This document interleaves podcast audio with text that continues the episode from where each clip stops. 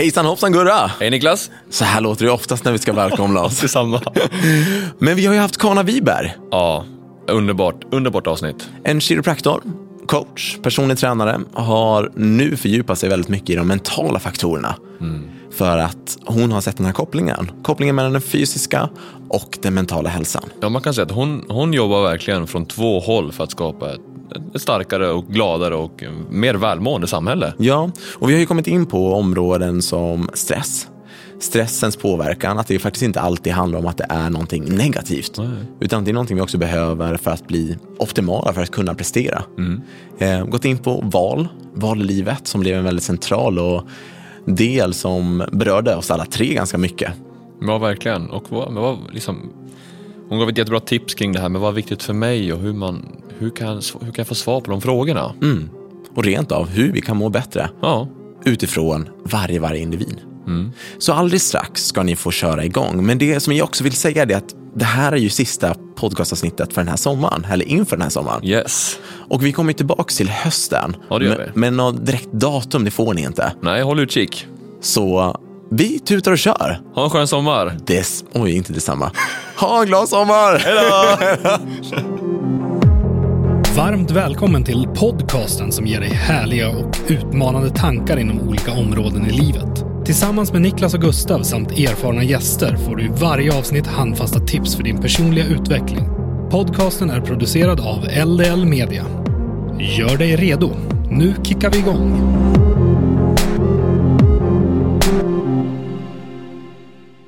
Välkommen Kana Wiberg till Kick and Mind Podcast. Tack så mycket. Hur är läget? Ja, men det är superfint. Ja, underbart att höra. Ja. Berätta, vem är du? Vad gör du? Var kommer du ifrån? Oj, oj, oj, oj, oj. Det var många frågor. Eh, nu ska vi se. Jag är en liten tjej från Surahammar från början. Jag befinner mig just nu i Västerås, där jag också bor och arbetar. Jag är kiropraktor uppe på ett stort gym som heter World Class Arena. Där jag driver min egen praktik. Förutom att vara kiropraktor jobbar jag lite med personlig träning och jag är även coach och jobbar med samtal. Okej. Häftigt. Ja. Men nu, vad har du lärt dig av ditt arbete som kiropraktor och coach? För det är är det en, en intressant kombination. Ja, den är fantastisk. Eh, jag klev ju in i och med kiropraktiken från början. Så har jobbat i många år med mötet med människor och problematiker från rörelseapparaten, det vill säga ont i kroppen på något sätt. Eller en önskan om att förbättra någonting av det fysiska välmåendet. Eh, och när jag har hållit på med det så har jag efter ett tag upptäckt att det är en människa som ligger på bänken. Det är inte bara en biomekanisk kropp som ska fungera. Och där har intresset för det mentala vaknat. Så det har jag läst till mer och mer under de här åren medan jag arbetat som kiropraktor. Så när, hur länge har du varit utbildad kiropraktor nu? Jag gick ut 2012. Och när, när väcktes det intresse för det mentala då? Den första utbildningen som jag gick var 2015. Så då, var, då hade det gått så långt så jag kände att nu bör jag faktiskt förse mig med lite verktyg i hur jag kan hantera det här. Hur kom det sig? Eh, mycket av intresset när jag behandlar människor, eh, man träffar ju ett par människor per dag som kiropraktor. Och vissa människor går att förutse vad som kommer hända under en behandling och ungefär hur behandlingsreaktionen kommer att bli. Och jag upptäckte att det fanns vissa typer av kroppar där jag inte kunde förutse vad som skulle hända. Och där startade väl egentligen nyfikenheten. Att vad är det som påverkar det här? Eftersom det inte går att lösa med de vanliga biomekaniska förutsättningarna som jag brukar ha. Och då började jag inse att där fanns det ofta en mental påverkan som gjorde att kroppen betedde sig på ett visst sätt. Vilket också gjorde att behandlingsreaktionerna kunde bli lite vad som helst. När du säger mentala faktorer, vad är det du menar då?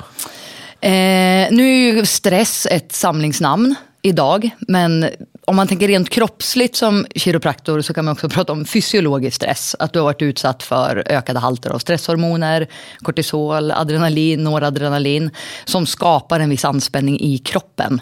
Så att det är den anspänningen som jag känner i muskulatur och hur kroppar rör sig och beter sig.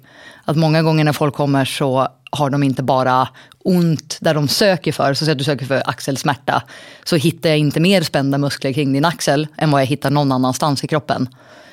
Och då har jag börjat upptäcka att det finns ofta då det som jag brukar kalla en mental påverkan. Att det är någonting, man kallar det systemiskt, att det påverkar hela människan. Mm. Så det man kan uppfatta som stress kan då vara en mental påverkan som slår på vår kropp på ett eller annat sätt, som du då kan se när du träffar dina patienter. Har jag förstått rätt då ungefär?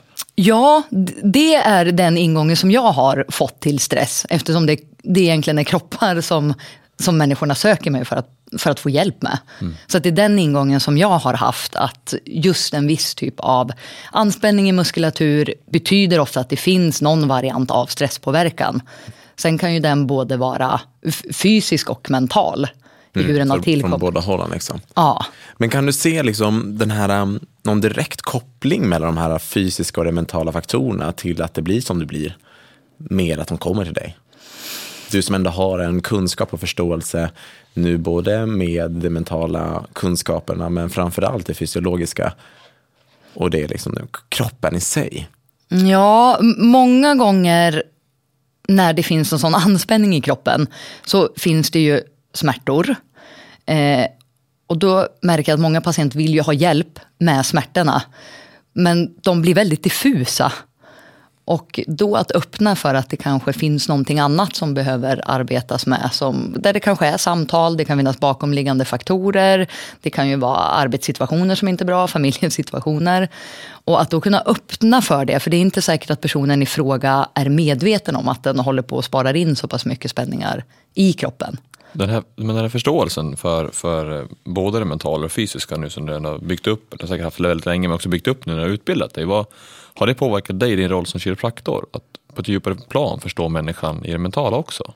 Ja, det gör det absolut. Eftersom jag är så pass intresserad av det så är det ju någonting som jag tycker om att hålla på med på bänken. Så även om de söker mig för rent fysiska åkommor så blir det ju, eftersom jag, jag står ju som jag brukar säga instängd med en person under ganska lång tid och man för ju ett samtal med varje individ. Så många gånger, eftersom som kiropraktor så har jag tystnadsplikt och många gånger så får jag ta del av människors vad kan man säga, livsöden och hur det ser ut i vardagen och saker som både har gjort dem glada och ledsna. Vilket gör att jag kan ju någonstans använda den här kunskapen under tiden jag behandlar mm en kropp utan att egentligen behöva gå in på... Men kan du se direkt liksom att det blir en att de på något sätt ändå blir glad eller nöjd och att kroppen får ett svar genom att bara få prata i de här situationerna när man kommer till det. Ja, men nu, nu ska jag gå till kana, nu ska jag få knäcka lite, jag ska få släppa upp lite anspänningar och så kanske jag bara får möjlighet att prata för att du bjuder in till det och har ett sånt forum omedvetet. Det är inte precis det du outar, att här kom till mig och snacka, utan de vet ju egentligen vad de ska få. Kan du uppleva att de liksom blir ganska tillfreds med den, den lilla tvisten, att få prata?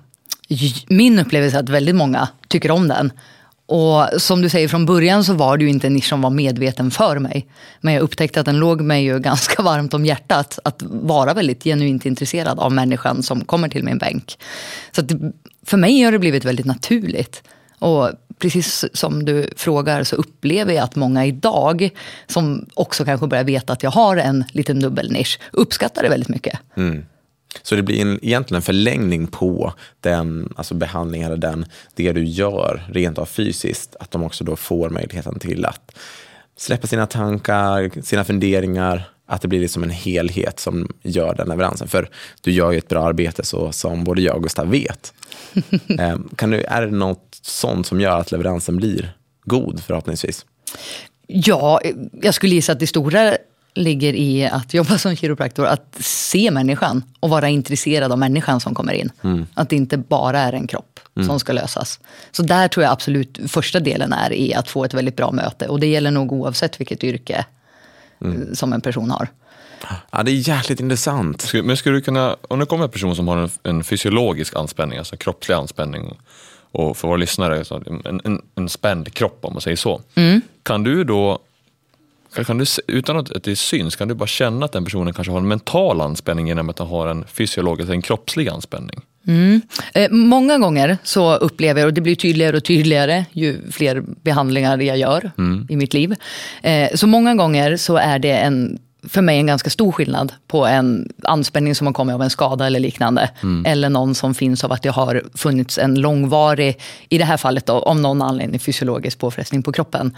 Den är väldigt annorlunda. Hur, hur skiljer det sig då? Eh, därför att den blir, när man ser systemiskt som kiropraktor så vet man att den påverkar i, i hela kroppen. Så att många gånger, så oavsett vad du söker för att du har ont någonstans, så kommer jag hitta lika spända muskler i stort sett vart jag än tar på din kropp.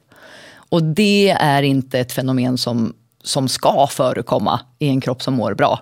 Det ska inte göra ont när jag tar på alla muskler på kroppen. Så att om, om det är en anspänning i hela kroppen då kan det vara ett tecken på att det är en mental anspänning där bakom? Mång, många gånger så har jag upptäckt att det ofta hänger ihop. Okej. Och, och, det kanske är en svår fråga att svara på, men finns det någon form av så här, mätvärde? Att om man har gått med en mental anspänning, någon form av, prata om samlingsnamn, med stressnivå under en längre period, säg en månad, tre månader, sex månader, kan man liksom märka det på kroppen också? Att det blir en större anspänning ju längre man går? Det skulle jag väl spontant gissa, att, att det kommer bli mer och mer. Eh, Eftersom det också tillkommer en begränsning. Att har du en anspänning i kroppen under väldigt lång tid så kommer det också begränsa vissa rörelseomfång. Du kommer att använda musklerna i mycket mindre yviga rörelser. Och de kommer i sin tur bli ännu stelare. Så att det blir ett moment 22, att det bygger på sig själv till slut. Och blir sämre och sämre ju längre du går med det. Så det tror jag absolut. Men sen kan det också bero på, på nivån av anspänning som du utsätts för under, även om det är kortare tid, men är den väldigt hög, så kan den ju också påverka mycket mer. Men så man kan egentligen se det från två olika håll. Att ena sättet är att få komma till dig, få möjlighet att släppa anspänningar genom att du gör en behandling som gör att jag då kanske kan tänka klarare. Men genom att jag också börjar tänka klarare genom att få den möjligheten till hjälp kan också göra att min kropp svarar på ett bättre sätt. Jag tror definitivt att det finns flera vägar in för att komma åt. Och lite uttrycket kropp och sinne är ett system, tror jag till på 100 procent. Så jag tror att det går att komma åt, precis som du säger, kroppen genom det mentala och det mentala genom att börja påverka kroppen. Och det är ju en av mina förhoppningar i framtiden, att kunna dubbelbehandla allt, allt mer i större utsträckning. Och det är det som är ganska roligt. Du och jag har ju fått möjligheten att jobba ganska nära varandra och i, i några år nu. Och där har vi ju haft några patienter och klienter som vi har haft en möjligheten att göra med. Och också få se den förändringen när jag får dem som coach från dig kiropraktor. Att det faktiskt är en, en stor effekt. Att du släpper på den fys det fysiska och jag jobbar med att släppa det mentala. Att det blir en väldigt bra match på ett annat sätt. Att vi i alla fall märker att processen kanske går lite snabbare. Eh, hur nu en snabbt en process ska gå, det vet vi inte. Men ändå att vi upplever att det händer mycket. Eh, kroppsligt och själsligt eller mentalt. Det är ball tycker jag, att kunna se den kombinationen. Men har ditt arbetssätt förändrats sedan du började utbilda dig inom de här områdena? Eh, ja, det gör det ju såklart till viss del. Om man tänker även om mycket av ramarna kanske ser likadana ut, att jag tar emot patienter på samma sätt, så har ju jag vävt in mer av det mer aktivt också. För, att, för att jag tycker att det är utmanande och för att jag tycker att det är roligt. Eh, sen sitter jag ju idag i mer rena coachsamtal också. Så där har ju skett en förändring, att jag kliver över och tar allt mer. Precis som Niklas sa, att innan så jobbade vi väldigt mycket att han coachade och jag jobbade det fysiska. Idag har jag till viss del klivit över och tar fler samtal själv, även om vi fortfarande kombinerar tillsammans. Men vad intressant. Fantastiskt. Har, har, du, har du märkt, har du, om vi säger att från början när du jobbade med, med, med kroppen och så nu la in, har du, är det någon klient som har märkt någon skillnad, alltså någon specifik klient som har märkt en stor skillnad när du börjar ännu mer med det mentala? Ja, jättehäftiga skillnader. Och det är väl det som också gör det sådär riktigt wow. Ja. Att få stå där och se skillnaden. För mig också, för det är ju en lätt frustration som kiropraktor att få in patienter som jag så gärna vill hjälpa. Men det fungerar inte på det vanliga sättet. Men genom att då väga in någon variant av, av coaching eller samtalsterapi och om det är hos mig eller Niklas eller någonstans helt utanför och sen helt plötsligt så fungerar behandlingarna. Det är ju bara superhäftigt. Ja, det är, Men jag ser också att, ja, det är så mycket tankar som kommer till mig, det är så intressant. Men På något sätt blir ju det du gör i den här kombinationen blir väldigt optimal. Eh, för om man bara kopplar till exempel till eh, yoga eller liknande former så pratar vi om att yogan kan ge dig möjligheter till att öppna upp kroppen, till att ge möjlighet till att känslorna kanske får ta plats på ett nytt sätt. Och att då komma in till dig, få behandlas, automatiskt, du gör ju det du är ett jävla bra sälj. För de är ju i tillstånd där de känner så här, ah, nu kanske jag vågar släppa, för du har ju släppt på något redan. Mm. Och då kanske det blir mer naturligt att bara berätta att fasiken, Karin, jag mår inte så bra egentligen. Och det liksom inte är något konstigt med det, utan att det är en bra port in. Mm eller en dörr till den här äh, fantastiska världen med att faktiskt jobba med det mentala också. Så nu, nu med andra ord, alla lyssnare som hör det här vet att Kana kommer att försöka sälja in ja. Välkomna. välkomna. De bara nej. Säger det så här, jag vill inte prata, jag vill bara få min kropp att må bra. Men som, en, som en sammanfattning av ämnet så kan man säga att det mentala påverkar vår kropp väldigt mycket. Men kroppen också kan påverka det mentala kan jag tänka mig också då. Ja, jag skulle säga att det definitivt går två vägar. Mm alla, alla dagar i veckan. Och ibland prova. För jag kan tänka att vi människor väljer ofta ett sätt att angripa någonting. Och sen gör vi det. Funkar det inte så gör vi det lite till. Mm. Funkar det inte så kanske vi gör det ännu lite till innan vi kommer på att vi kanske ska prova en annan väg. Så att våga prova en annan väg och komma åt saker som man känner inte riktigt funkar som det ska. Mm. Det tycker jag är fantastiskt. Jag tycker att en sak är väldigt intressant i det här också. Det är ju att, det är väldigt lätt när vi står och pratar nu att vi pratar med den yrkesmässiga Kana. Hur ser hon på det här med kopplingen mellan fysiska och mentala? Men det som är intressant också i det är att i kombination med att du också utvecklas så har ju du också fått en förståelse som vi pratar om. Att ja, men du ser de här kopplingarna. Men vad har det här gjort i ditt liv? För på något sätt har ju du fått mer förståelse över fasiken när du mår på ett visst sätt så förstår ju du att det kanske hör ihop med någonting nu. Hur har det påverkat ditt liv? Vad har, du liksom, har du fått varit med om några riktiga insikter som har gjort att du har förändrat ditt liv? Jättemycket skulle jag nog säga. Och det händer ju kontinuerligt hela tiden.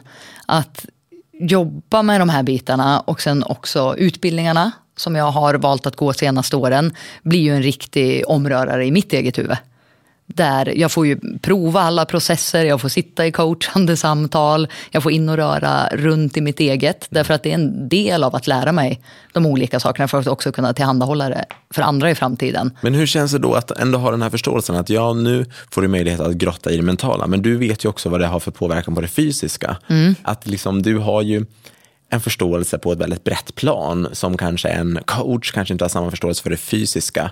Och det fysiska, ja du förstår. Mm. Och det andra hållet, vad har det gett dig? För du vet kanske lite för mycket.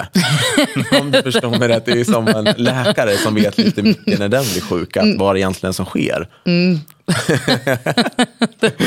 och, det, och det är väl den där skillnaden på skomakarens barn, ja. eller vad är det man brukar ja. säga. så så i, ibland vet jag ju absolut vad det är för någonting. Och ibland är jag fantastisk på att göra det. Mm. För det är ju inte bara en kropp i det perspektivet och det mentala. Utan i det så kommer ju den fysiska träningen in. Du har ju en kost som ska förse kroppen, hålla igång immunförsvaret. Där du har 80% av immunförsvaret i magen som också behöver förses. Mm. Så någonstans så landar vi in i den helheten. Mm. Och många gånger så är det lätt att bli wow, nu, nu. Och så vill jag förändra allting jag gillar saker. Om jag bestämmer mig för saker så vill jag helst att de hände igår. Mm. Eh, och där får ju jag, precis som alla andra, ibland lugna mig lite och ta en bit i taget.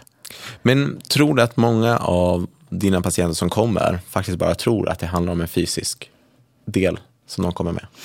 Eh, många tror jag tror det första gången de kommer. Mm. Därför att de har varit i kontakt med kanske andra behandlare som inte har jobbat på samma sätt som mig.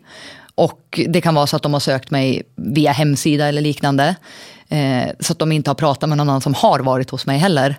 Och då tror jag att de förväntar sig någonting annat. Mm. För då tror jag att jag är en, en ren sådär, jag ska fixa kroppen. Mm. mm. Men däremot så kommer väldigt många av mina patienter på rekommendation av tidigare patienter. Och där kan det ju finnas de som kommer med en, ja, och med en annan förväntan och öppnar på ett helt annat sätt också. Mm. För att också bjuda in mig. Att jag behöver inte alltid bjuda in mig själv. Utan ibland så blir jag inbjuden. Önskar du hjälp, stöd eller en boost i något som är viktigt för dig? Kick Your Mind har flera kompetenta coacher och mentala tränare som kan hjälpa dig att nå dina mål. Mer information finner du på kickyourmind.com. Det här med stress, Kana, det är ett ord som vi i Kick Your Mind ja, pratar, vi bryter ner det till egentligen vad man kan ta på. Det kan vara anspänning eller en hög puls. Men det här, vad, hur påverkas vår kropp av den här reaktionen? Om vi ska kalla det stress för en reaktion. Stressreaktionen i sig är ju ingenting som är farligt. Den är högst naturlig och den är förmodligen anledningen till att vi har överlevt som ras. Eh, och det vanligaste som människor har hört är ju fight and flight. Det systemet som ligger på, som räknas som gasen i kroppen. Så att det är det som gör att vi får den här frisättningen av alla stresshormoner i kroppen. För att vi ja, men egentligen i grund och botten ska kunna överleva. Vi ska slåss eller vi ska fly. Kan du ge några exempel? Ja, för om du hamnar i en situation så... Dels så kan det handla om människor. Jag älskar mitt lejon och min antilop. De är fantastiska. De går runt där på, på prärien och eh, jag brukar antilopa, han käkar lite gräs. Och då har han det här lugn och ro-systemet, parasympaticus kallas det. Och det är under tiden som det är aktivt som vi, vi helar kroppen, vi bryter ner föda. Så att den behövs för att vi ska neutralisera stresshormoner också. Sen kommer det här lilla fantastiska lejonet. Och eh, den här antilopen hör någonting i busken, går direkt i beredskap. Jag kan tänka mig att nästan alla människor varit med om det. Om man hör någonting ute i, sådär, man är ute och går när det är mörkt och så hör man något i en buske. Ja, och så tänker man, Ugh! Så man känner sådär, hela kroppen blir spänd. Man känner helt plötsligt hur hjärtat börjar slå snabbare. Man känner hur andhämtningen blir tyngre. Och det är en stressreaktion. Därför att kroppen gör sig beredd att frisätta hormonerna. Och det är dels för att du ska orka springa snabbare. Du ska orka springa längre och du ska också bli mycket mindre känslig mot smärta. Så att om det här lejonet hinner ifatt mig som antilop och river mig så ska jag kunna fortsätta att springa fast jag är skadad. Ända tills jag har satt mig i säkerhet. Och då ska ju stresshormoner igen reduceras och lugn och ro-systemet ska ta vid.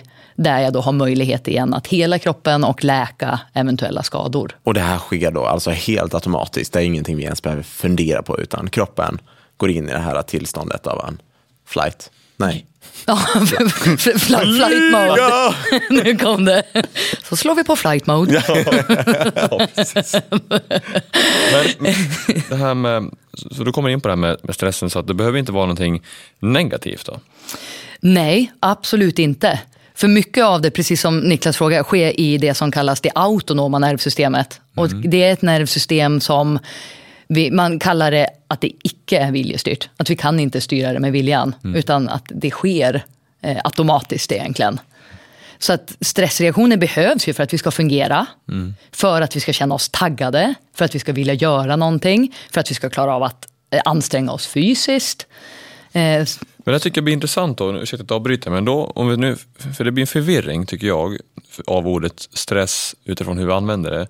Då ska det vara något positivt och sen ska det vara någonting som drabbar den absolut vanligaste orsaken till sjukskrivningar. Så vad är stress egentligen? Och om då liksom ställer frågan, vad händer i kroppen vid en positiv stressreaktion? Alltså det som händer är ju till viss del absolut samma sak. För du får ju frisättning fortfarande för, ja men ta det klassiska är ju svenska folket ska prata offentligt. En av de största utbredda fobierna som orsakar det man då skulle kunna benämna som stress. Eh, och där behövs ju en viss nervositet för att skärpa till sig. För att hålla fokus och för att tagga till sådär. Eh, och då är ju stressen i den benämningen positiv om du vill kliva upp och hålla den här föreläsningen. Och då behövs den just för att få det här avsmalnade fokuset, för att liksom känna sig taggad, för att leverera och orka hålla ut också tills leveransen är klar. Eh, och det är fullt vad säger man, normalt, förutsatt att du sen går ner i andra änden. Och det är där som, jag vet inte om man ska kalla det då negativ stress, men i alla fall långvarig stresspåverkan. Så att det är där den kickar in. Vad händer då, då? För du beskriver ju att vi går in i den här um, beredskapen, gör oss beredda och sen så bara, okej, det var lugnt. Så pratar de om att återhämtningen sker i kroppen. Men vad sker om det då blir ännu värre, att det slås på igen? För på något sätt kommer vi aldrig tillbaks. Vi bara förstärker den här beredskapen, beredskap, beredskap, beredskap. Vad är det som sker då? Det är typiskt det som vi pratade om tidigare. När människor kommer in och jag känner den här spänningen i all muskulatur. Det kan vara en typisk variant av precis som du säger, att vi lägger på stress och sen hinner vi inte riktigt hela vägen ner till återhämtning. Och så lägger vi på lite till och så hinner vi inte hela vägen ner. Så att hela tiden så har du för mycket av de här stresshormonerna som florerar i kroppen. Så att vi får egentligen aldrig den vilan vi behöver. Nej. Och då får vi heller inte celluppbyggnaden som vi behöver. Har du för mycket av de hormonerna så påverkar det mag och tarmsystemet. Vilket som sagt 80% av immunförsvaret sitter i magen. Då får ja. du en påverkan på immunförsvaret. Du blir lättare sjuk och då blir du ännu känsligare. Och där, när man fångas i, i den spiralen, det är då som stress kan bli farlig. Mm. Och ut... Påverka ja. verkligen hela kroppen. Ja, helhet. och påverkar ju då tyvärr också väldigt mycket mentalt. Mm. Hur tycker du samhället ser på stress? Eh, ja, det är en väldigt spännande fråga. Eh, jag hoppas verkligen att vi ser på stress med ett förändrat synsätt. Vad menar du då?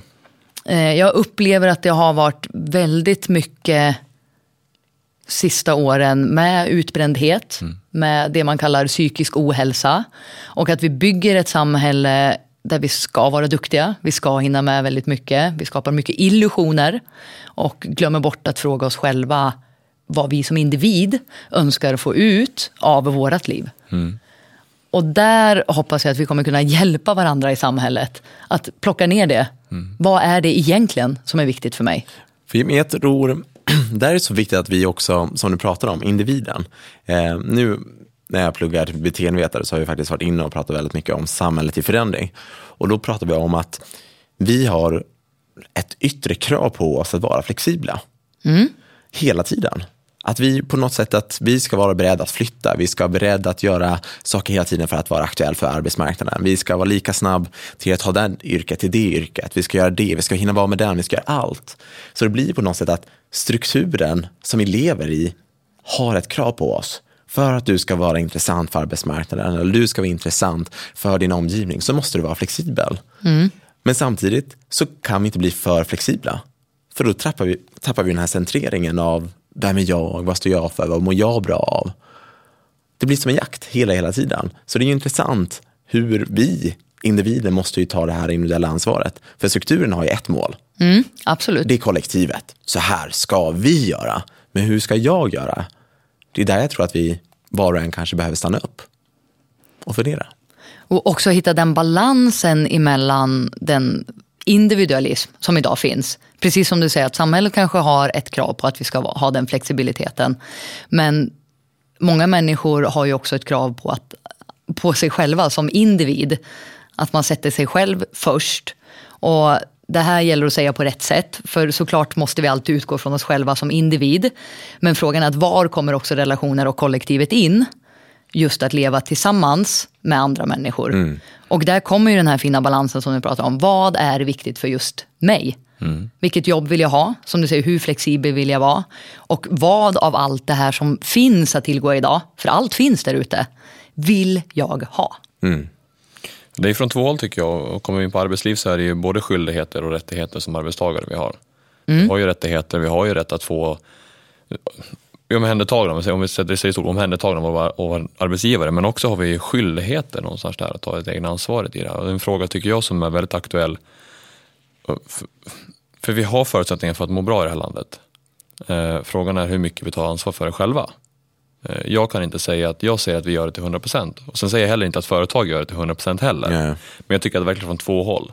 Eller det behöver inte vara företag, det kan vara samhället behöver ta ansvar för att individen ska må bra men individen behöver också jobba med de delarna. För det, är, det är intressant att kolla på men vi i Sverige som har sån hög psykisk ohälsa jämfört med andra länder som inte alls har de fysiska omgivningar som vi har eller förutsättningar med skola och sjukvård och liknande. Vad är det som gör att vi kanske har en högre psykisk ohälsa än dem? Mm. Trots att vi har allt det här. Ja, alltså jag tycker på något sätt inte att det är konstigt att vi är där vi är i samhället. Jag tycker inte att det är konstigt. Utifrån hur, vad som förväntas. Och likadant till det icke fulla ansvaret, om jag ska vara så tuff och faktiskt säga det. Att vi, det är lätt att frånlägga sig det ansvaret. Och vi, som vi pratar om den här beredskapen, vi lägger den högre och högre och högre och högre. Återhämtningen får aldrig ta plats.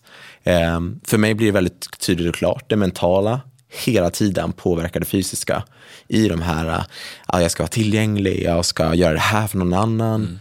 Jag, ja, men alla de här bitarna som gör ju att min kropp börjar reagera. Och jag, Karin, du får jobb. för att vi behöver komma, ja, precis. För att vi behöver komma till dig.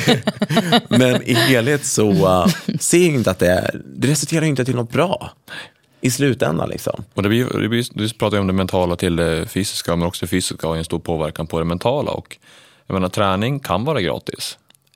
Man kan gå ut och ta en promenad, man kan löpa lite, eller men vill man ha hjälp så finns det professionella personliga tränare. Ja. Jag menar, vi, vi pratade om det i ett annat avsnitt, att ja, betalar man 50 kronor per träningspass, det är liksom en, en kaffe på Starbucks, liksom. Mm. Ja, vad väljer man att ta? Vill jag må bra? Eller vill jag få, få en koffeinkick och kanske för att överleva dagen? Ja. Alltså det finns, finns många olika sätt att se på det här med stress och uppenbarligen så kan vi påverka den med mentala, mentala verktyg, med, med kroppsligt, med fysisk aktivitet. Men jag, jag vill påstå att det krävs verkligen från två håll. Mm. Men, St stor nivå och individnivå att mötas. Ja, men precis, kan det vara just den här helhetsbilden av, av sitt liv på ett eller annat sätt? Mm. För vi brukar prata om det, det här om vi pratar om ett um, livshjul där vi har åtta tårtbitar. det är så otroligt lätt att vi kliver in i en tårtbit och jobbar utifrån det. Så här, ah, nu har jag problem med, eller utmaning med mina relationer. Jag kliver in där, jobbar, jobbar, jobbar, men glömmer allt annat. Jag glömmer att träna, jag glömmer att må bra i mig själv, att se mig själv, trivas på arbetet. Som gör att jag blir så fokuserad. Men på något sätt som vi pratar om, helheten av kroppen kan vi se helheten av livet också. Mm. Med de parametrarna av att må bra i relationer, må bra i vår fysiska kropp, att trivas på arbetet, att faktiskt ha tid till nöje och fritid. För det är väl helt fantastiskt? Ja, för det är egentligen, allting är mentala faktorer. Äh, mentala kommer in allt. Ja, men ska jag träna så behöver jag ha mentala faktorer bakom. Ska jag äta det så, eller ska jag jobba? Allting påverkar det mentala. Exakt. Så det är ju som du säger, jätte, jättebra jämfört, jättebra med livshjulet. Det blir, det blir en helhet som blir stark. Mm. Och där, där kommer vi tillbaka till egenansvaret. Vad är viktigt för mig, som Karin var inne på. Och, och framför allt att ta den tiden upplever jag. Mm. Att sätta sig ner för sig själv och fundera, för det kommer tillbaka, vad är viktigt för mig och vad vill jag göra för någonting? För som sagt, det finns en hel uppsjö idag. Och jag kan uppleva att det som var den största utmaningen för mig för några år sedan, det var att veta vad ska jag göra? Mm. Det här man pratar om mentala verktyg, verktyg att hantera när man... För många gånger så upplever jag att många människor vet när det börjar glida på härsan. Men väldigt få vet vad de ska ta till. Att hur sätter jag mig och jobbar med det mentala? Mm. Precis som ni säger att alla kan gå ut och gå en promenad och vi kan träna på olika sätt. Men hur gör vi då Mm. för Alltså, att jobba med det mentala? Exakt, och egentligen är det ganska, jag tror att det är mer lättillgängligt än vad vi tror. Och vi gör det, nu säger jag ordet, svårare än vad det är. Men det, det, kan, det är intressant, intressant det du säger, för det är också så, ja, men, om vi pratar om utmattningssyndrom, ja då blir det klassiska medicin, du ska vila. Ja, men så åker man hem och så sätter man, nu ska jag vila, så sätter jag mig i soffan, så, ja, nu har jag vilat i två minuter. Mm. Nu har jag vilat i fem minuter och nu börjar kroppen liksom, nu måste jag göra någonting, nu måste jag göra någonting. Och är det då att vila eller är det att någonstans skapa en motsatt reaktion?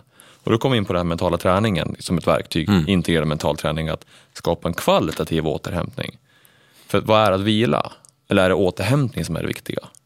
Exakt, och där är det väldigt intressant om, om vi nu ändå går in på det.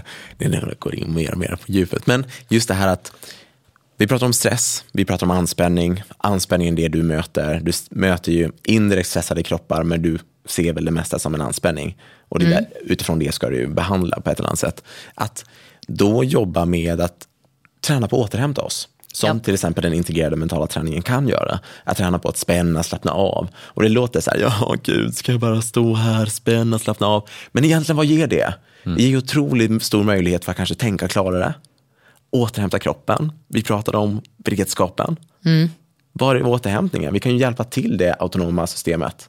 Och den är ju fantastisk, just den integrerade mentala träningen. Den började jag använda när, det var väl du som introducerade mig första gången, det måste vara ett par år sedan. Ja. Så tänkte jag, gud vad intressant, vad är det här nu då? Så att, precis som jag rekommenderar patienter ibland att rulla på en boll för en spänd muskel eller en foam roll eller någonting. Så började jag lite sådär slumpmässigt ge ut integrerade mentala träningen, muskulära avslappningen, för att jag var så himla nyfiken. Vad händer med det här? Och jag måste säga att helt fantastiska resultat. Och framför allt på de kropparna som är det här överspända som jag innan, jag visste inte hur jag skulle komma åt det. Och de patienterna som då valde att ta den här rekommendationen och starta, de fick ju jättefina resultat. Ja. Och många kom ju tillbaka och var så här, wow, vad Ja, det- är ja, det det- det här? är fantastiskt. Och fortsatte ju då också med de mentala delarna sen för att också sänka, om man tänker anspänningen mentalt, för att sen kunna gå vidare och förbättra sitt liv, självförtroende. Så på något sätt egentligen istället för att leta efter, vi är duktiga på att leta efter saker. Åh, vad, vad, vad hittar jag det här som gör att jag ska bli lugnare och lugnare? Att då kanske fokusera på att släppa den här anspänningen som vi belyser, att släppa den här anspänningen och i kombination med det så kan jag söka vad jag mår bra av. Och på något sätt hitta verktyg utifrån det istället för att börja, börja där ute. Istället för att börja, okej, med mig. Vad kan jag göra? Okej, jag kan börja släppa min anspänning. Och b- bara för att förtydliga, släppa anspänning. Både, man kan både göra det genom, genom fysisk, genom kana exempelvis, men också med integrerad mentala träningen. Mm. Precis, yoga eller liknande. Ja, precis. För att få ner den här biten. Men att sen då jobba med de här verktygen. Att kanske gå till en coach eller läsa en bok där man får möjlighet till en verktyg så här att varje kväll när du går och lägger dig eller jobba med vår Kick Your Mind-bok att varje kväll reflektera vad du är tacksam över, vad vill du ha hjälp med, vad är bra med dig. Men att vi kanske på något, grunden ligger fortfarande att släpp taget först. Om de här spänningarna som finns i kroppen. Och jag, jag vill också lyfta in det, det kan låta lätt för oss att stå här och prata om det, men jag kan säga att alla vi tre har ju själv jobbat med det här och jobbar med det dagligen. Precis. Det här med mentala faktorer. Vissa dagar är det mer utmanande än andra dagar. Mm. Så det, men det, behöver, det krävs en systematik över tid för att det ska bli effektfullt. Så är det och likadant att kroppen lär ju sig. Till slut. Det är ju liksom, hjärnan är fantastisk. Den kan ju liksom hitta en koppling till en trigger av att okej, när jag gör den här triggern och aktiverar min tumme och spänner åt så vet min hjärna okej, det här är förknippat med avslappning. Och helt plötsligt blir jag avslappnad. Så på något sätt behöver vi inte se att det här är liksom, vi ska göra det varje dag, la la la. Utan tränar vi på det så blir vi bra på det och så kan vi använda det mindre tillfällen, eller inte lika ofta, men ge samma effekt. Ja, det är, ja, det är kraftfullt. Och när det väl, ibland kan det bli, tycker jag, häftigt när, om det säger att det har gått en viss tid av olika anledningar, för att så jag har inte gjort den här mentala träningen och så gör den så blir det alltid bara, wow, Ah. vilken effekt det har. Så, men varför har jag inte gjort det här för? Ibland kan det bli nästan så här, ja men jag väntar en dag så jag får uppleva den här extrema skillnaden. ja, men det, det är jättehäftigt tycker jag, för den är kraftfull. Jag hade en, idag så, eh, jag jobbade, var ganska trött efter jobbet och så kände jag bara att nej, men nu vill jag typ starta om datorn. Ja, men då satte jag mig ner så körde den integrerade mentala träningen 10 minuter, sömnsiesta kallas den. ja, Och det är liksom en helt annan människa efter. ja, det är fantastiskt. Och det är bara genom att lyssna och sen såklart lärt mig hur min kropp fungerar. Men det är häftigt. Och vill ni veta mer om just den integrerade mentala träningen så rekommenderar vi att lyssna på podcasten som vi spelade in med Lena Unestål som berättar ännu mer ingående om det här. Men Kana, vi är ju här för att som sagt prata med dig och om dig då. Ehm, om du ska, om vi ska, det här med stressen, om du skulle, om det kommer en, en patient till dig som du märker har den här mentala anspänningen. Och Om du ska ge något, något tips och råd till den personen då, vad skulle du, vad skulle du säga? Om det kliver in en person som är min patient i den positionen, om det är första gången jag träffar personen, så handlar det ju först om att se om den är intresserad av att gå dit, eller vad man ska säga. Och det är ju ofta genom att öppna, jag ställer lite öppna frågor och sen ser de människor som är intresserade, de nappar i stort sett direkt. Vissa människor är mer avvaktande, så att ibland så tar det någon behandling till. Så har de ofta fått fundera, kommer tillbaka, där de flesta då nappar på. Så jag arbetar med väldigt öppen kommunikation så länge de säger att de vill. Och då kan det vara en blandning av råd, så, för jag står ju i en kiropraktorroll som till exempel den integrerade mentala träningen. Det kan vara ett råd, för vet de inte om det så kommer de inte prova det. Eh, och där jag också kan tipsa om vidare. Och sen så brukar jag fråga om de har varit i någon variant av samtalsterapi. Om de har någon coach eller psykoterapeut eller liknande som de går till. För den kombinationen och använda den som en utveckling tycker jag också är fantastisk. Att ha någon som sätter av, vad det nu är, en timme för att lyssna på, på mig och mina drömmar och vad jag vill och vad jag vill bli bättre på. Det är ett fantastiskt verktyg. Och där, och där belyser du någonting som är så otroligt viktigt. För på något sätt att istället hela tiden tänka så här, åh, nu ska jag träffa en coach när jag mår dåligt. Eller nu ska jag gå till kiropraktorn för att jag mår dåligt. Istället tänka, jag gör det här för att jag vill må bättre. Alltså den här lilla twisten på att tänka att jag vill må bättre. Så har ju det, ja men fasiken skaffa en coach eller skaffa en polare som ni bestämmer, så här, en gång i veckan ska vi träffas och snacka om livet och våra tankar för hur vi kan utvecklas och må bättre. Tänk så fantastiskt. Att fokusera på, istället för att möta du pratar om det här, när det är som allra värst, Ja. då funderar vi på vad fan ska jag göra nu? Istället för att ta det för att må bättre.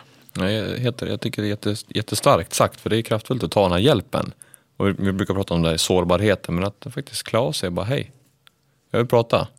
För det finns ju många, många människor i världen som, som finns där och kan lyssna, om vi själva kanske kommer dit. Men nu ska de kunna veta om vi inte själv pratar. Precis, och sen tror jag också, precis som du belyser, att, men jag tror också att det är så viktigt att vi börjar ta hjälp även fast vi inte har, nu säger jag det ordet igen, problem. Nej. Utan att mer se så här, okej, jag vill, alltså att vi börjar visa på att kanske för ens omgivning att nu går jag och tar hjälp för att må bättre.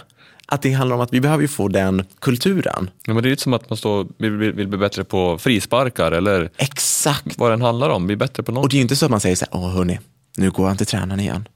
Oj, han kan inte må bra alltså. Och han vill bli bättre på frisparkar. Så jag tror att det är jätteviktigt att vi skapar den kulturen tillsammans och bidrar till den. För att mer människor ska våga ta steget till att må bättre. För den är ju fantastiskt häftig att det är så självklart för många av oss att träna regelbundet fysiskt för att bli bra. Eller få en bättre kondition eller vad det nu är man önskar sig. Men just det mentala, att det halkar lite efter. Eh, Jag kan se en förväntan, och som jag upplevt inom mig själv tidigare också, en förväntan av att det någonstans ska hända. Men jag har inte satt mig på min röv och förväntat mig att mina biceps ska växa. Nej. Det har jag inte gjort. Och det, det där är, så intressant, för jag tror faktiskt att många tänker detsamma. tänker så här, Nu kommer, ja, nu kommer lyssnarna att tänka så här, åh gud, jag som har suttit still och väntat på att mina biceps ska växa. Typiskt. nej, det är så intressant.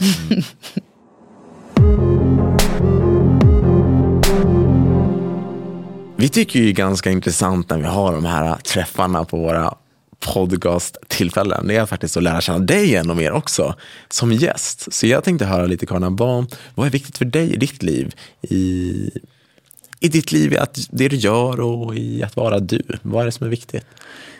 Det som är viktigt i att vara jag har jag funderat väldigt mycket på sista tiden. Och det finns vissa värden som betyder mycket för mig. Jag märker att jag söker meningsfullhet i mycket av det jag gör. Och utveckling.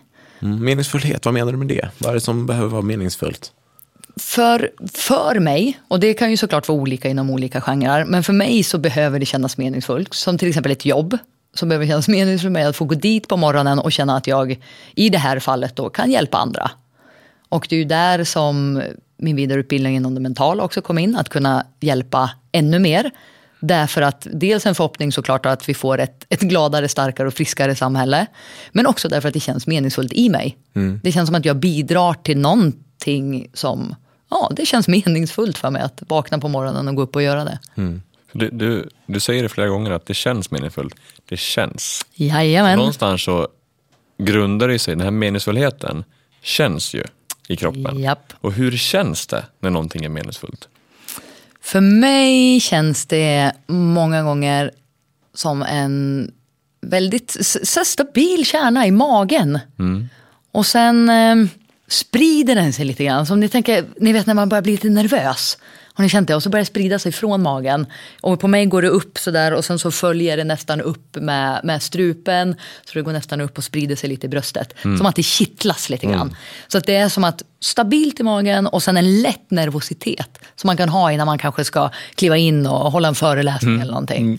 Där är den.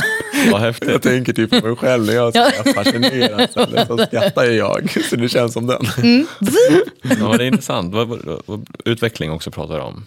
Ja, eh, just att komma någonstans vidare, alltid. Det är, eh, jag pratade med en kompis alldeles häromdagen och vi pratade om slutdestinationer i livet. Att eh, under vissa perioder av livet så är det lätt att uppleva att nu har jag nått en slutdestination. Och det är ju olika för olika människor. Antingen kan man gifter sig, man skaffar barn, man får ett jobb, man tänker det här ska vara resten av livet. Att ibland, liksom, här landar jag i en slutdestination. Och där tror jag att det finns ingen slutdestination. Däremot så kan man absolut vara nöjd hela tiden längs vägen om vi tillåter oss att göra bra val för oss själva och också vara nöjda.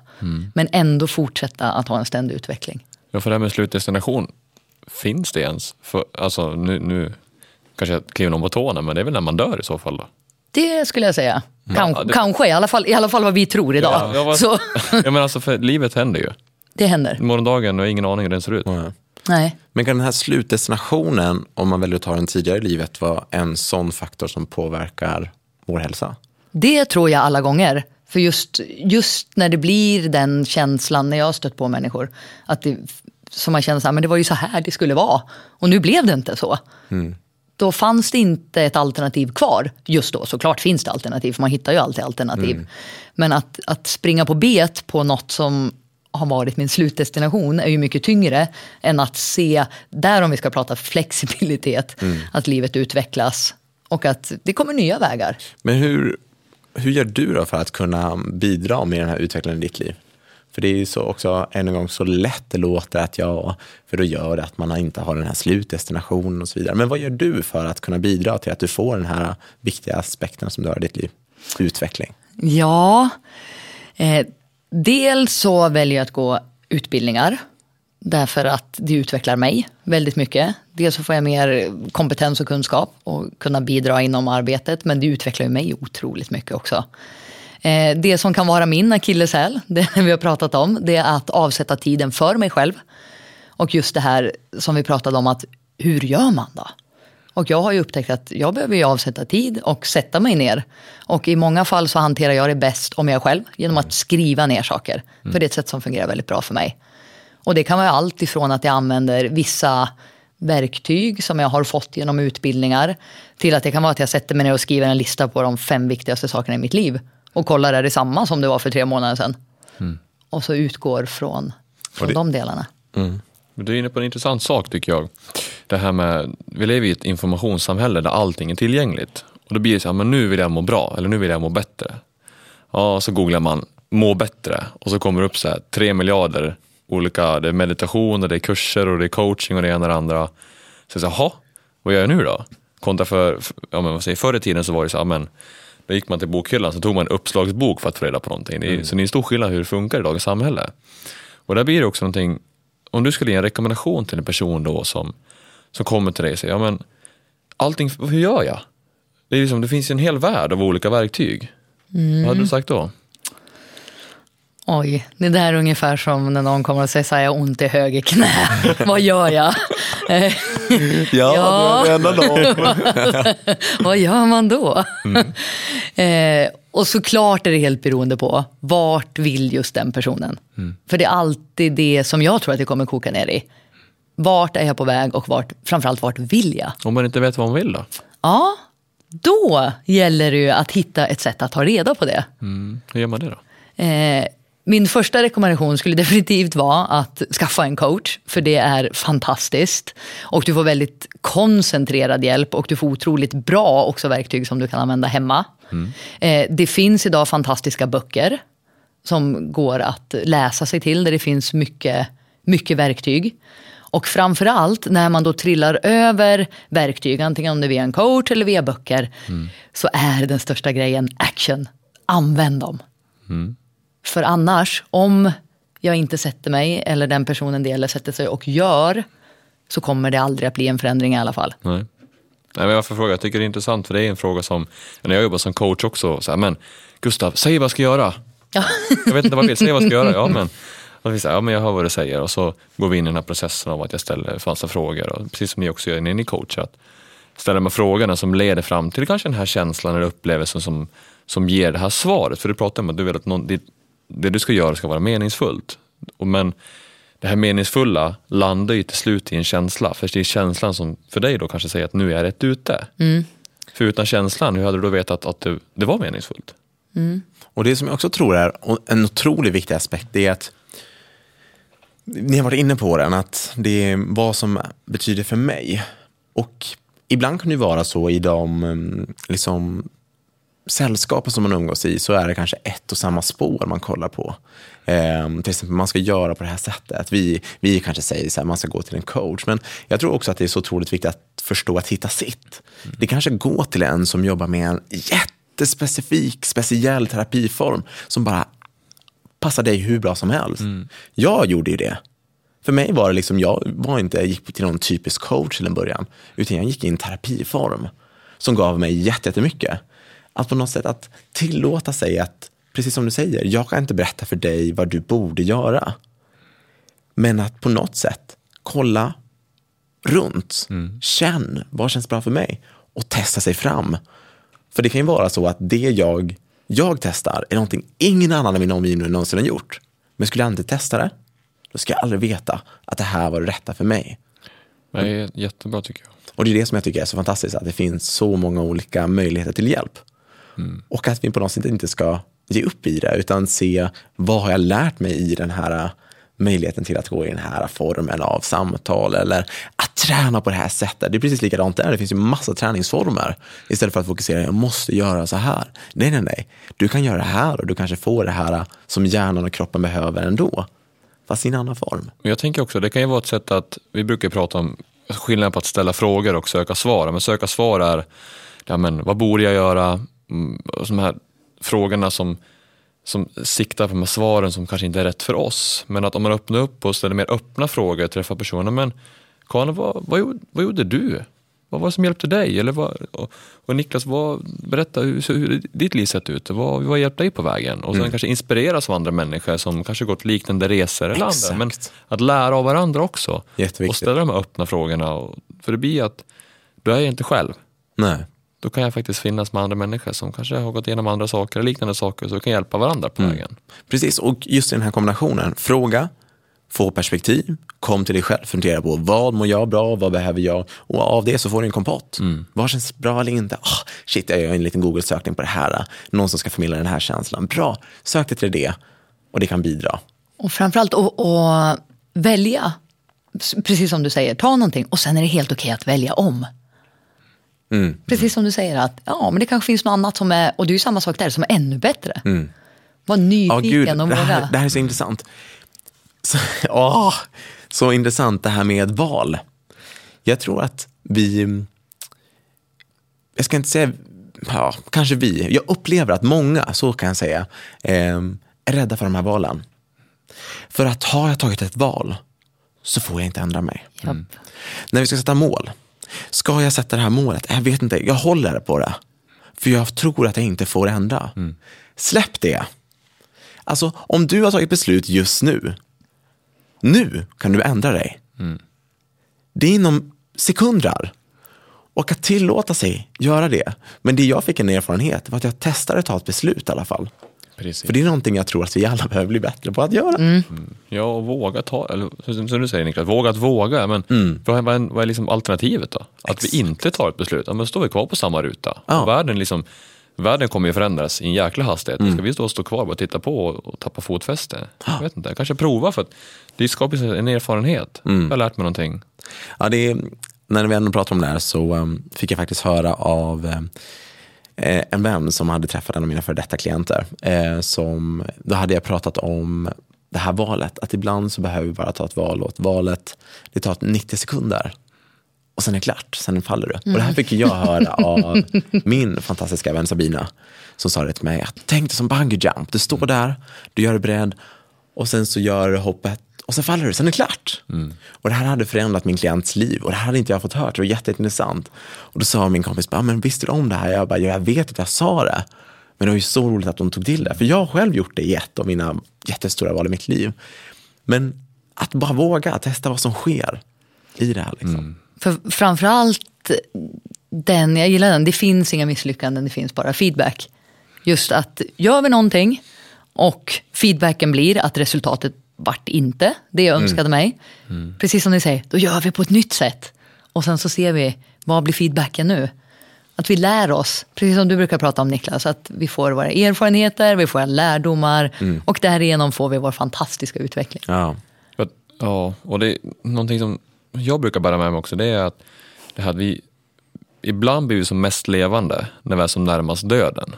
Ja. Antingen för oss själva eller för någon annan. Det är först då vi börjar ställa de här frågorna som kanske ger faktiskt svaren som vi vill ha. Ja, men, ja, men om, jag skulle, om jag skulle dö imorgon, vad skulle då, finns det någonting som jag skulle ångra att jag inte har gjort? Eller vad hade då förändrat i min dag idag? För de här frågorna kan ge jätteintressanta svar som jag säkert tror kan påverka exempelvis den stressnivå i kroppen. För då blir fokus zup, direkt in oss själva. Istället för vad tycker jag om världen? Vad har de på sig för kläder?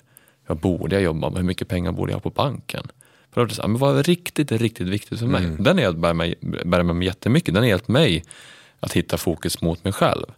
Och vad är viktigt för mig? Ja, men då, blir det, då kan jag någonstans börja välja min väg utifrån det svaret som, som kanske hade med nära döden att göra. Men ändå att vi behöver bli medvetna om det.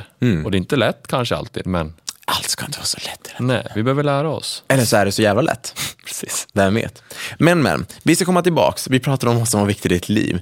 Du har belyst meningsfullhet, att få utvecklas. Är det någonting annat du känner du liksom ligger dig väldigt nära? Jag gillar ju att ha kul. Aha. Det gillar ju jag. När saker är Roligare då? ro- roliga. Ja, ja, det är lite roligare då.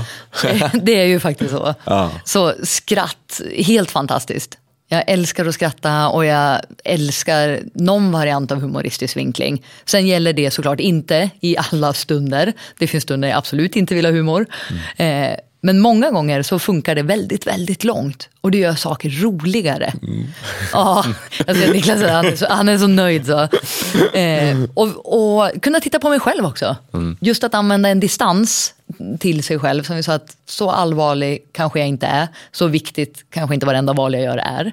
Utan också våga backa ut och titta så här, oj det här blev ju inte som jag hade tänkt. Och våga titta på mig själv med lite humor och distans. Mm. Och kunna skratta åt mina egna tillkortakommanden.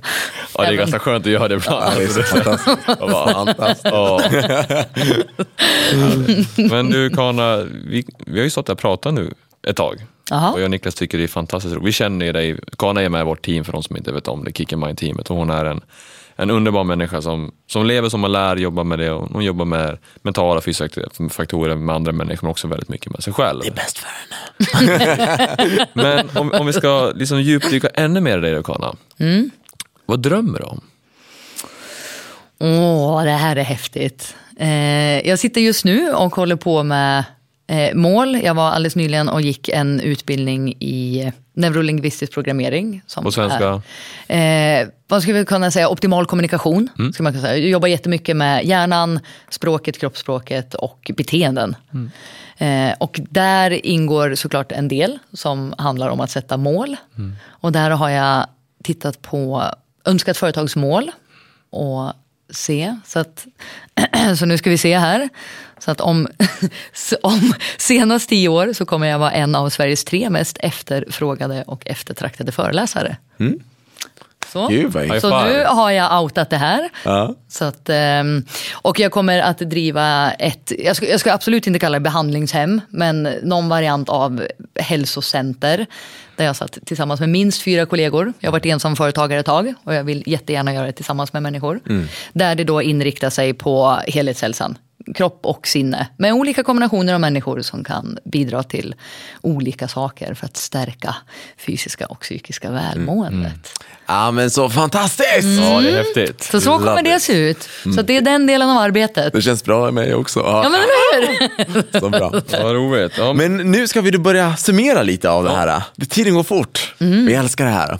Gustav, om du ska berätta lite om det här tillfället med Kana och mig. Vad, vad tar du med dig? Ehm, ja, absolut så har vi pratat om eh, de mentala faktorer och fysiska faktorer, hur det påverkar varandra och vikten av att faktiskt jobba med sitt eget mående, välmående. Både från fysiskt och mentalt och hur det här, men om jag går med en viss anspänning i kroppen länge som kanske kommer på grund av mina tankar, hur det verkligen kan sätta sig i kroppen. Jag har upplevt det och jag- säkert andra, många, många andra som gjort det också, de kommer till dig, Kana. Och det tar jag verkligen med mig och liksom fortsätta att titta på men, vad vill jag ha, kanske ha för känsla i kroppen, hur vill jag må utifrån det göra val, både fysiska val och mentala val. Eh, Men sen också otroligt lärorikt att stå här och prata mer. Det ger mig mycket inspiration, glädje och det är ämne som ligger mig varmt om hjärtat det här med välmående. Och jag önskar att vi alla i den här världen kan eh, ta ett eget ansvar i det här men också ge varandra förutsättningar för att göra det Mm. med ett öppet sinne. Fantastiskt. Du då Niklas? Det brukar inte vara så att jag ska säga samma sak. Men idag är det så att du verkligen träffar grej efter grej efter grej efter grej. Som jag tyckte var väldigt intressant idag. Ehm, och den sista grejen som jag bara vill förlänga, det är valet. Det kommer till mig hela tiden. Och på något sätt har valet en slags påverkan på oss. Vad du gör har en påverkan på hur du kommer leva ditt liv. Och att det inte behöver vara så allvarligt i det. Att valet är så jäkla bra. För den kommer ge oss någonting. Den kommer ge oss ett nytt val. Eller att vi är kvar i det vi har valt. Så jag tycker det är så fascinerande och jag är inspirerad. Eh, det är liksom, en, det är liksom vi spelar in nu, det är lite senare än vanligt och man känner sig, ja ah, det har varit en lång dag men det är nästan så att jag satt igång så nu är frågan hur jag kommer kunna sova i natt. Lite på så sätt. Men jag, jag vill också säga det, att ta med det här eh, super, superbra tycker jag, det du sa det här med ett val i 90 sekunder. Och när jag tänker på det på det sättet, då blir det så här en inspiration. Absolut kan det vara en utmaning, men också en inspiration till att men, ja, det är 90 sekunder. Sen kommer någonting som jag kan möta, men jag kommer klara av det. Exakt. Och det gäller bara att vara modig i 90 sekunder. Vad fan, det kan alla.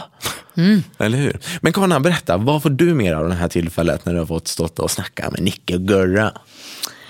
Det är ju som vanligt fantastiskt att få stå och prata tillsammans med er. Det är ju någonting som ger mig väldigt mycket. Så jag kan ju säga att jag tar med mig både meningsfullhet, jag tar med mig utveckling och jag tycker att det är ganska roligt att hänga gäng med. Alltså. Boom! Så att för mig liksom, så har ju mina kärnvärden är i mål. Liksom. Så jag är otroligt glad att ni bjöd hit mig idag. Vad härligt. Gud, kul. Ja, men då... Nej men Gurra, Va? håller du på att glömma? Du ska få till ett Ja, tips. Sorry. Gurra, han är på väg ut. Ja. Jag vill hem och träna nu. Träna mentalt och fysiskt. Inspirerad. Ja, men Kana. Det sista vi ska göra, eller det sista du ska få göra, är att du ska få ge våra lyssnare ett tips. Tips. Av alla dina tips. Av alla mina tips. Nu kommer det här med, med det knäonda igen här. Men det är ju helt fantastiskt. Det tipset jag, jag skulle ge, som har hjälpt mig otroligt mycket, det är att boka av tid i kalendern.